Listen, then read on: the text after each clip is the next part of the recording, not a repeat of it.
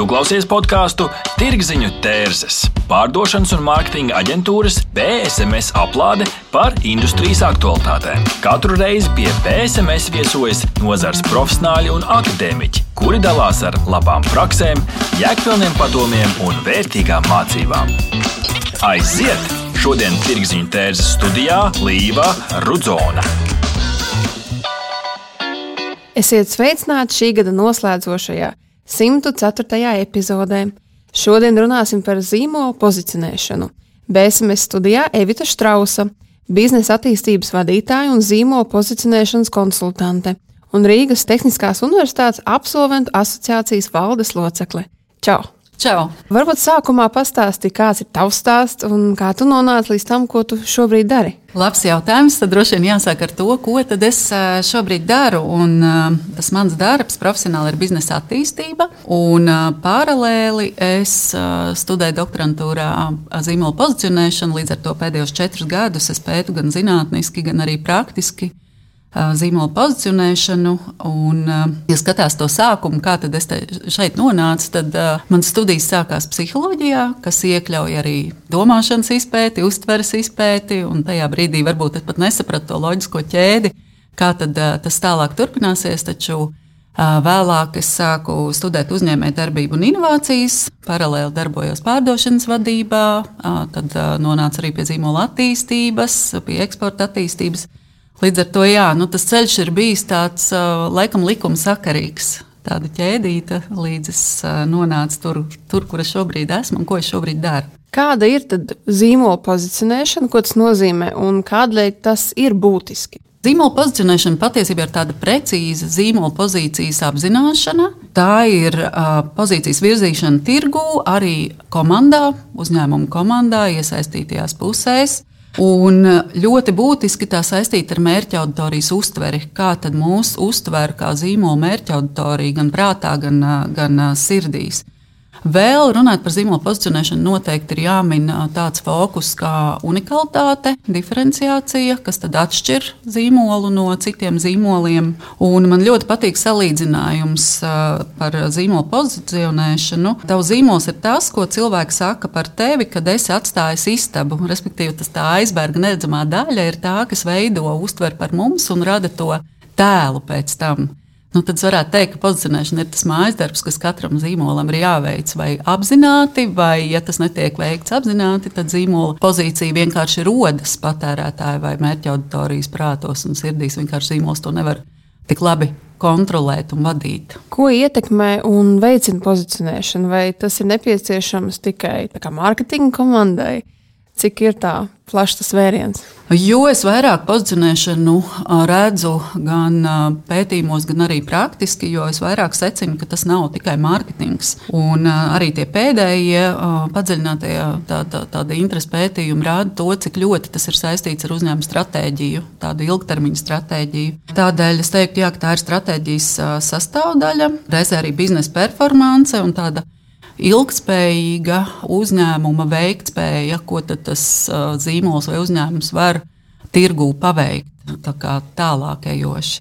Un kā tieši tā zīmola pozicionēšana ietekmē pārdošanu un ieņēmumus, jo, teiksim, ja runā un salīdzina ar kādu PR, tad tas arī tāds ir tās publiskās attiecības, tāds ilgtermiņš, tas ir arī kāds strateģisks punkts, un nevienmēr tu vari nu, tā tieši pateikt to atdevi, ka tas ir nācis tieši no tā, ko mēs darījām saistīts ar teiksim, publiskajām attiecībām. Kā ir pozicionēšana? Nu, pozicionēšana ļoti patiesībā pat saistīta ar uzņēmumu rentabilitāti tādu jā, arī finanšu rādītājiem, jo, ja uzņēmumam vai zīmolam nebūs šī diferenciācija, unikalitāte, tad uh, Līdz ar to ir ļoti grūti piesaistīt mērķa auditoriju, iegūt mērķa auditorijas lojalitāti, kas ir atkārtotie pirkumi, kas ir jau kontrolējama naudas plūsma vai vairāk paredzama naudas plūsma. Līdz ar to tāda skaidra apzināta zīmola pozicionēšana tuvina tādai pozitīvai dinamikai arī finansiāli. Tāpat eksportā pozicionēšanai ir ļoti liela nozīme, un tur atkal ir cieša saikne eksports un, un zīmola vai biznesa attīstība. Jā, unikalitāte ir ļoti, ļoti būtiska. Tieši izējot starptautiskā tirgu, kā piemērs ir lielās starptautiskās globālās izstādes, kur, kur ir jācenšas nevis lokālā mērogā, bet jau reiz jā, palielinātā tirgu Līdz ar to jā, es teiktu, ka pozicionēšana ir tāda būtiska stratēģijas komponente un ietekmē ilgtermiņā uzņēmumu arī finansiāli. Tad pareizi saprotu, ka pozicionējumu principā vajag jebkuram uzņēmumam, vai tomēr ir kaut kāda izņēmuma? Pozicionējums patiesībā rodas jau pirmajā saskarsmes punktā zīmolam ar sabiedrību. Tiklīdz ir viens vērtējums, tā jau rodas pozīcija. Un uh, nerad pozicionēšanu saistā tieši ar klientiem, bet patiesībā ir būtiski arī zīmolam uh, iegūt tādu savu, uh, savu veidolu komandai, uh, parādīt arī komandai, kas tad ir tās mūsu vērtības, kas mūs vieno identitāti, kuras tad tālāk var nest. Uh, tādēļ, uh, jā, es teiktu, ka pozicionēšana nepieciešama ikvienam uzņēmumam. Patiesībā, ja tu viņu neveido, viņa tāpat rodas pati no sevis. Vai zīmoliem vairāk jākoncentrējas uz tūlītējām tirgus vajadzībām, domāju, domājot par pozicionējumu, vai tomēr tāds ilgtermiņš ir tas pats svarīgākais aspekts? Es teiktu, ja ir skaidra tāda tālējošāka stratēģija, tad ļoti labi caur tādu strateģisku pozicionēšanu arī tie mazie mērķi ir kā taktika tai tālākajai, lielāka mērķa sasniegšanai. Tā kā es teiktu, ka jāfokusējas ir uh, redzēt to vīziju, ambīcijas, kādas ir uzņēmumam vai zīmolam nākotnē, un līdz ar to vispārējais jau ir taktika, lai sasniegtu to lielo lielo mērķi. Kā zīmols teiksim, var līdzsvarot šos īstermiņa mērķus ar um, ilgspējīgu ilgtermiņa pozicionēšanas stratēģija, kāda ir tā miedarbība? Teiksim? Kāda ir miedarbība? Nu, es teiktu, jā, tas lielākais mērķis palīdz, palīdz izvirzīt mazākos uzdevumus un taktikas. Protams, ir jāatšķir arī, tās, arī tādas trīs zīmola pozicionēšanas stratēģijas. Ir zīmols kā cenu līderis, tad ir pozicionēšana zīmolam ar pievienoto vērtību, kas tad izpaužas vai piedāvājumā, vai pieredzēs, un inovācija pieeja. Un tad atkarībā no tā arī ļoti atšķirsies šie mērķi un miedarbība gan tiem tuvākiem un mazākiem mērķiem, solīšiem.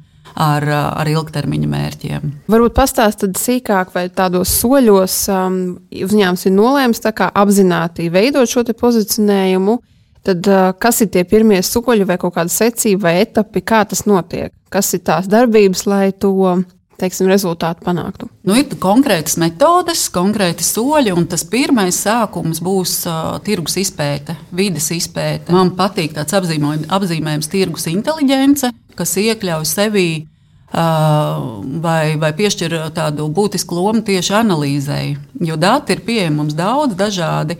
Taču būtiski ir tā tirgus inteligence, kuras redz to savu vietu, potenciālu tirgū. Līdz ar to man ir precīzi jāpārzina gan segments, gan konkurenti. O, tad nākamais solis būtu pozicionēšanas stratēģijas izveide, kas iekļauj arī sava zīmola precīzu apzināšanu. Kāda ir identitāte, kāda mēs īsti esam kā, kā, kā komanda, kā zīmols, kas ir mūsu kultūra, kas ir mūsu atspoguļojums un tā tālāk. Šeit ir arī konkrētas tās metodas, kā kā to var noteikt, fiksēt. Un tad trešais solīts būtu jau performance, kas ir iekļauj arī unikalitātes radīšanu. Un, um, tā, tā jau ir tāda, tāda konkrēta pieeja, taktika, tonis, kā mēs nododam uh, savu identitāti uh, vai pozīciju. Nu, tad uh, ceturtais ir uh, pozīcija tirgū. Kādi tad ir tie rezultāti, kāda tirgus daļu ieņem uh, uzņēmums, kāda ir tā vieta konkurencei, kas, kas ir tās unikālās lietas, ar ko, ar ko zīmols atšķiras. Nu, tā. Līdzīga pieeja patiesībā ir arī jaunu produktu radīšanā. Arī tiek izvērtēti šie četri, četri soļi, lai, lai produkti būtu saskanīgi ar zīmolu. Kāda ir teiksim, tā komanda, kas to visu veido? Vai to var darīt uzņēmums pats, vai teiksim, tas ir noteikti kāds speciālists, kā tu, ko piesaista? Un arī kāda loma ir tieši vadībai, nu, teiksim, īpašniekiem uzņēmumu vai valdei, kā, kā tā miedarbība ir, kas ir tie atslēgas cilvēki, kuriem vajadzētu pie šī domāt, aktīvi būt iesaistītiem. Valdībai ir milzīga loma tieši tajā, lai noteikti mūsu zīmola pozicionēšana ir nepieciešama un kādu pozīciju mēs vēlamies radīt. Es pat teiktu, tas ir tāds must have, jo kaut vai vērtību nodošana, virzīšana Tas ir vislabākais piemērs mūsu vadībai, kas komandai to, to nodod. Tā kā jā, vadība arī būs tā, kas veicina to tirgus inteliģences aktualitāti uzņēmumā, kas analizē datus, kas skatās, kurā brīdī mums būtu jāpielāgojas kaut kādām tirgus tendencēm, kurā brīdī ir jāpielāgo vai kaut kādas materiālās īpašības, produktu kvalitāte, vai kurā brīdī ir jāpalabo mūsu vēlamā pozīcija zīmola tēlā, un tad kā mums ir jāpielāgojas kā komandai. Tā kā jā, vadībai būs noteikti ļoti liela uh, loma. Nozīme, vai to var darīt komandā, protams, vislabāk. Un, un, un parasti arī, ja no malas ņem kādu ekspertu konsultantu, jebkurā gadījumā komandu iesaista. Bet var, protams, lūgt palīdzību arī cilvēkam no malas, kas tad tīra konkrētām metodēm palīdz šo pozicionēšanu veikt un fiksēt savu pozīciju.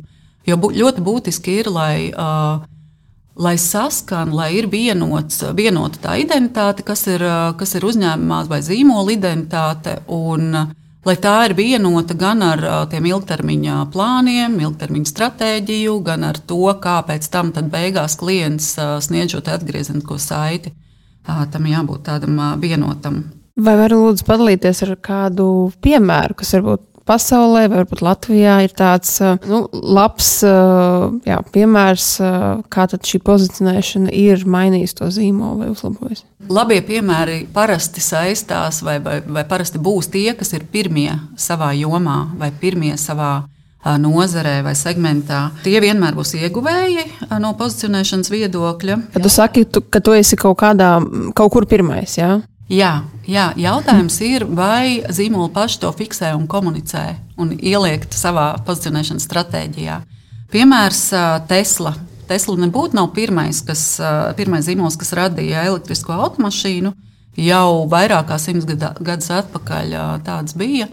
Un, jautājums ir tajā, kas, kas ir pirmais mērķa auditorijas apziņā. Ja, kā, jā, tas, tas, tas arī ir tāds pamatpostulāts pozicionēšanai. Ja vien vari, esi pirmais savā, savā jomā.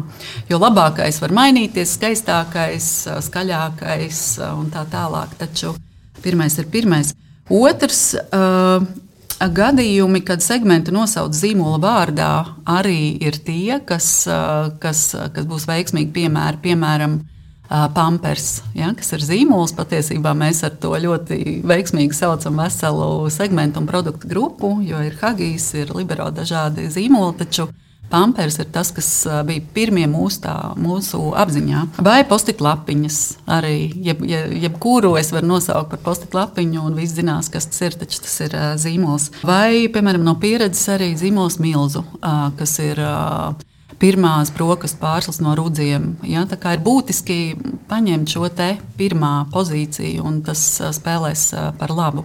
Un, ja teiksim, nav tā pirmā, tad ar ko var? Kas ir tas nākamais, ko var izspēlēt? Jā, pozicionēšana saka, tā, ja tu nevari būt pirmais segmentā, tad skaties, kā tu vari būt pirmais apakšsegmentā. Savukārt, ja nevar būt pirmais apakšsegmentā, nu, piemēram, mainot vai izēvielu, vai kādu pieredzes momentu, ja, kur varētu izcelt, tad uh, vēl var skatīties, kā būt pavisam savādāks kā pirmais. Tā kā pilnībā apgriezt. Uh, jā, vai vispār tā ir ļoti interesanta pieeja skatīties produktu attīstībā, kā pagriezt pilnīgi atgārni šo risinājumu. Jā, piemērs par uh, grābekli. Grābeklis savāc lapas, tātad risina problēmu.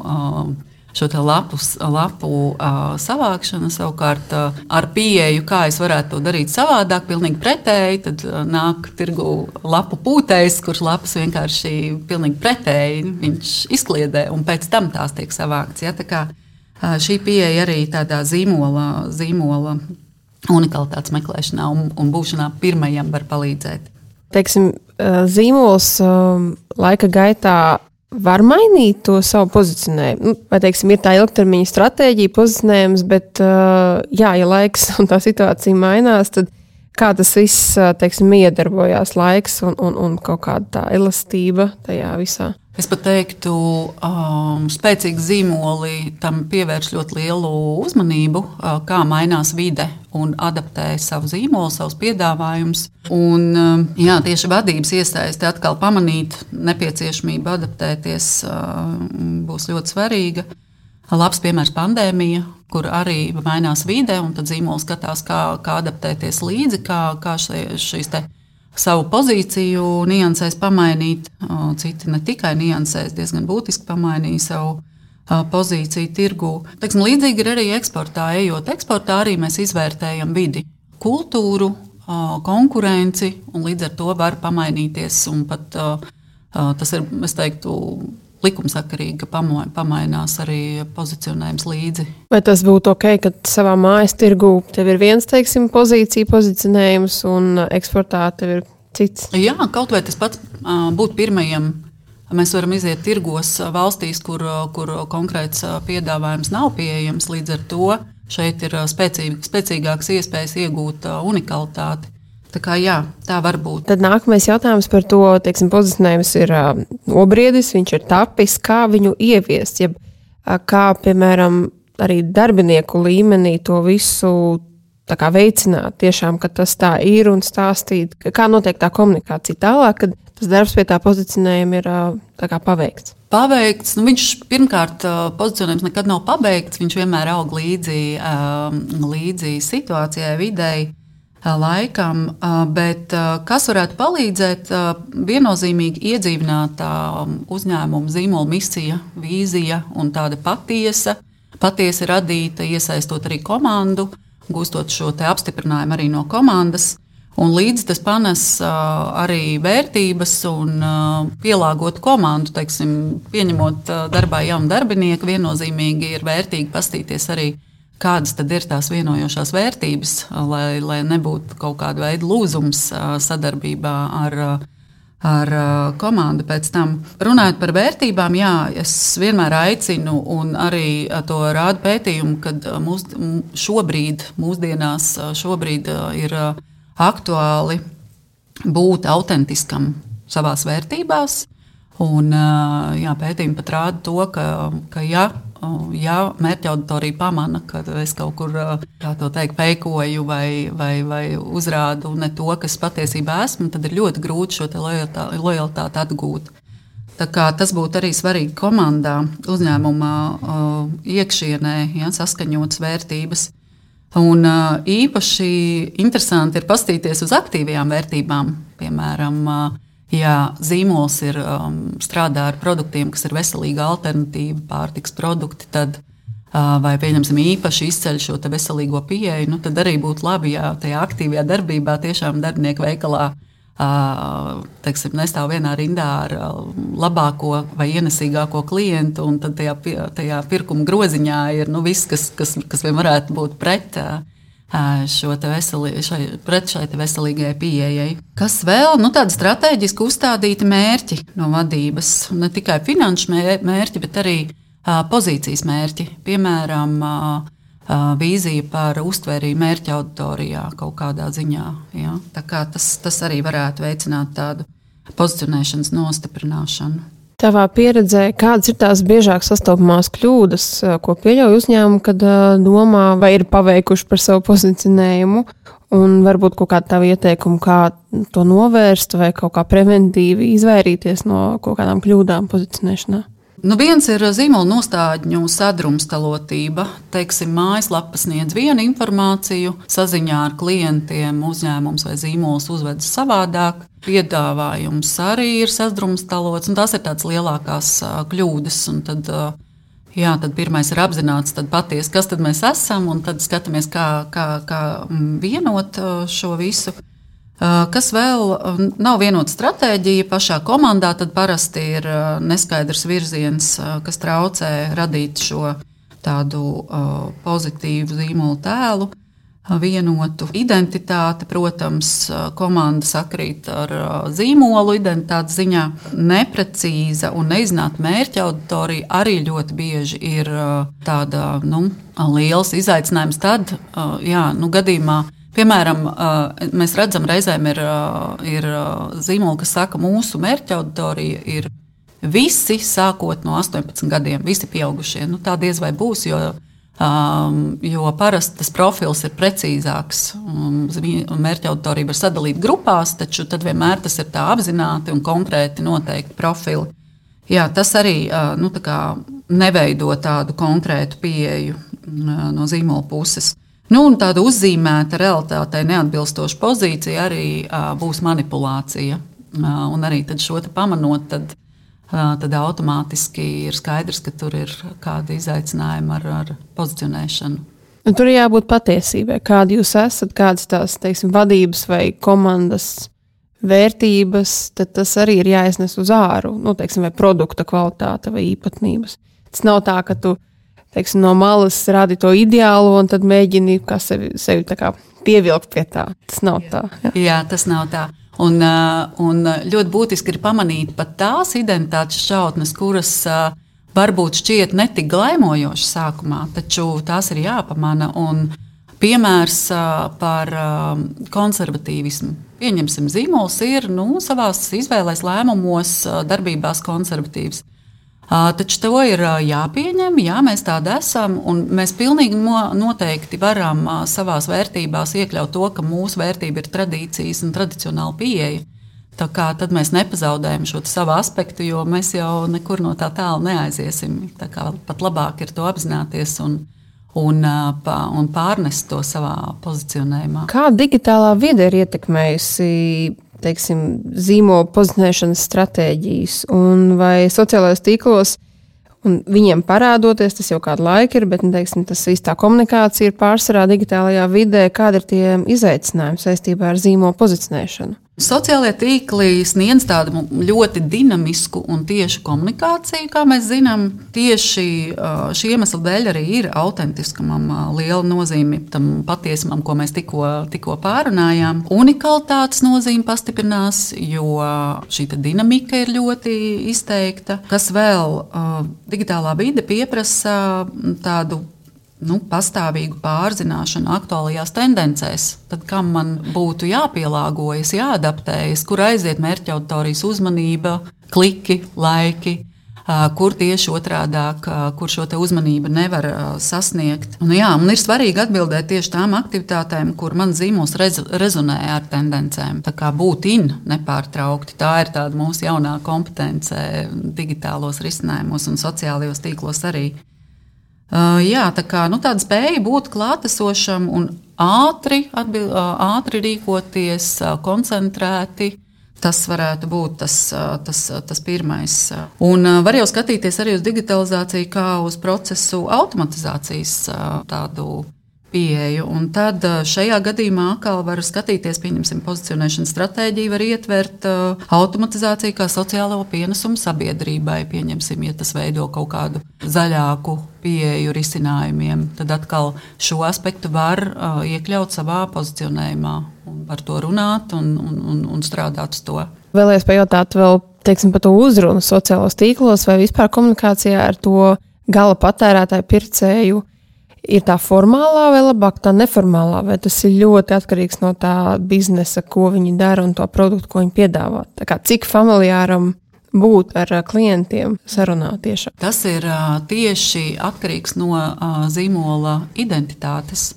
Jo zīmola identitāte nosaka arī toni, kādā mēs runājam. Teiksim, negribu saukt varbūt vārdā, bet ir konkrēti zīmoli, kas uh, automātiski ieņem tādu draugu pozīciju. Līdz ar to tāda draudzīga pieeja, atvērta pieeja, tieši pieeja būs pilnībā atbilstoša. Savukārt ir uh, zīmoli, pieņemsim, prēmiju zīmoli vai luksus zīmoli, kur atkal tiek ievērota etiķete un un tāda mm, attālināta, varbūt, vai, vai, vai teiksim, distancētākā šī komunikācija. Tajā pašā laikā arī, arī šeit būs uh, mērķis tas pats uzrunāt savu auditoriju, vienkārši citā veidā, citā tonī, un tas ir saistīts ar identitāti. Nedaudz pieskarāmies par to sadrumstalotību, bet teiksim, kādi ir tie ieteikumi dažādos kanālos un saskarsmes punktos? Kā labāk veicināt to, ka tas viss ir teiksim, vienotā stilā? Ka mēs cenšamies arī uzrunāt teiksim, dažādas auditorijas, dažādas vecumus, vai tur pastāv kaut kāda riska zīmolam nedaudz izplūst tajā savā pozicionēšanā. Nu, tādēļ ir būtiski apzināt to savu mērķa auditoriju ļoti, ļoti tieši. Un, ja rodas situācija, ka mana mērķa auditorija ir ļoti atšķirīga, ļoti dažāda, tad uh, zīmoli rada apakšzīmolus. Lielie koncerni tādēļ strādā ar vairākiem zīmoliem, kur, kur katram ir atsevišķs koncepts, atsevišķa mērķa auditorija. Piemēram, ir apakšzīmols dzīvnieku barībai, apakšzīmols bērnu pārtikai. Tad ir kosmētikai un tā tālāk. Tie ir tīri tādēļ, lai būtu šī iespēja uzrunāt konkrētu mērķa auditoriju atbilstoši. Tā kā, jā, tādu pieeja arī var veidot, un nu, tas arī ir tāds dziļi strateģisks lēmums. Tad. Nobeigumā jautājums, tavs novēlējums pareizāk, ko tu ieteiktu zīmoliem, kas domā par to vēlas un apzināti domā par šo savu pozicionējumu un vēlas viņu uzlabot? Pirmkārt, atrast laiku pozicionēšanai, jo ļoti bieži ir tā, ka uh, ir tik daudz tādi, kā mēs zinām, darbiņi un, un rutīn, rutīnas darbi, ka šķiet, kaut kad es, es, es to paveikšu, apsēdīšos un, un fiksēšu, apzināšu, nospraudīšu strateģiskus pozicionēšanas mērķus. Tā kā pirmais ir atrast laiku pozicionēšanai, kur tad arī būs vadības iesaiste, atrast šo laiku. Otrs būt autentiskiem, kā mēs iepriekš runājām, tas, tas ir svarīgi. Trešais gribētu novēlēt atvērtību jauninājumiem un izmaiņām, jo pozicionēšanas process nereti nes līdzi jaunus attīstības virzienus.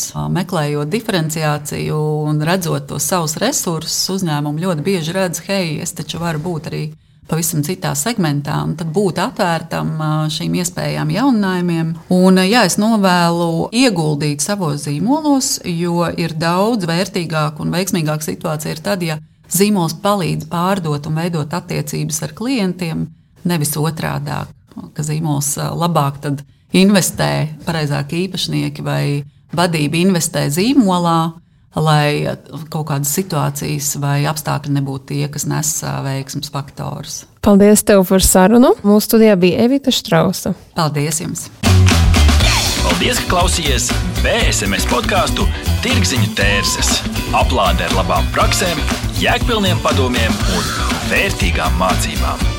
Patika epizode? Dalies sociālajos medijos. Ir idejas tēmām vai viesiem? Raksti mums! Tās bija tirgziņu tērzes. Līdz nākamajai epizodei!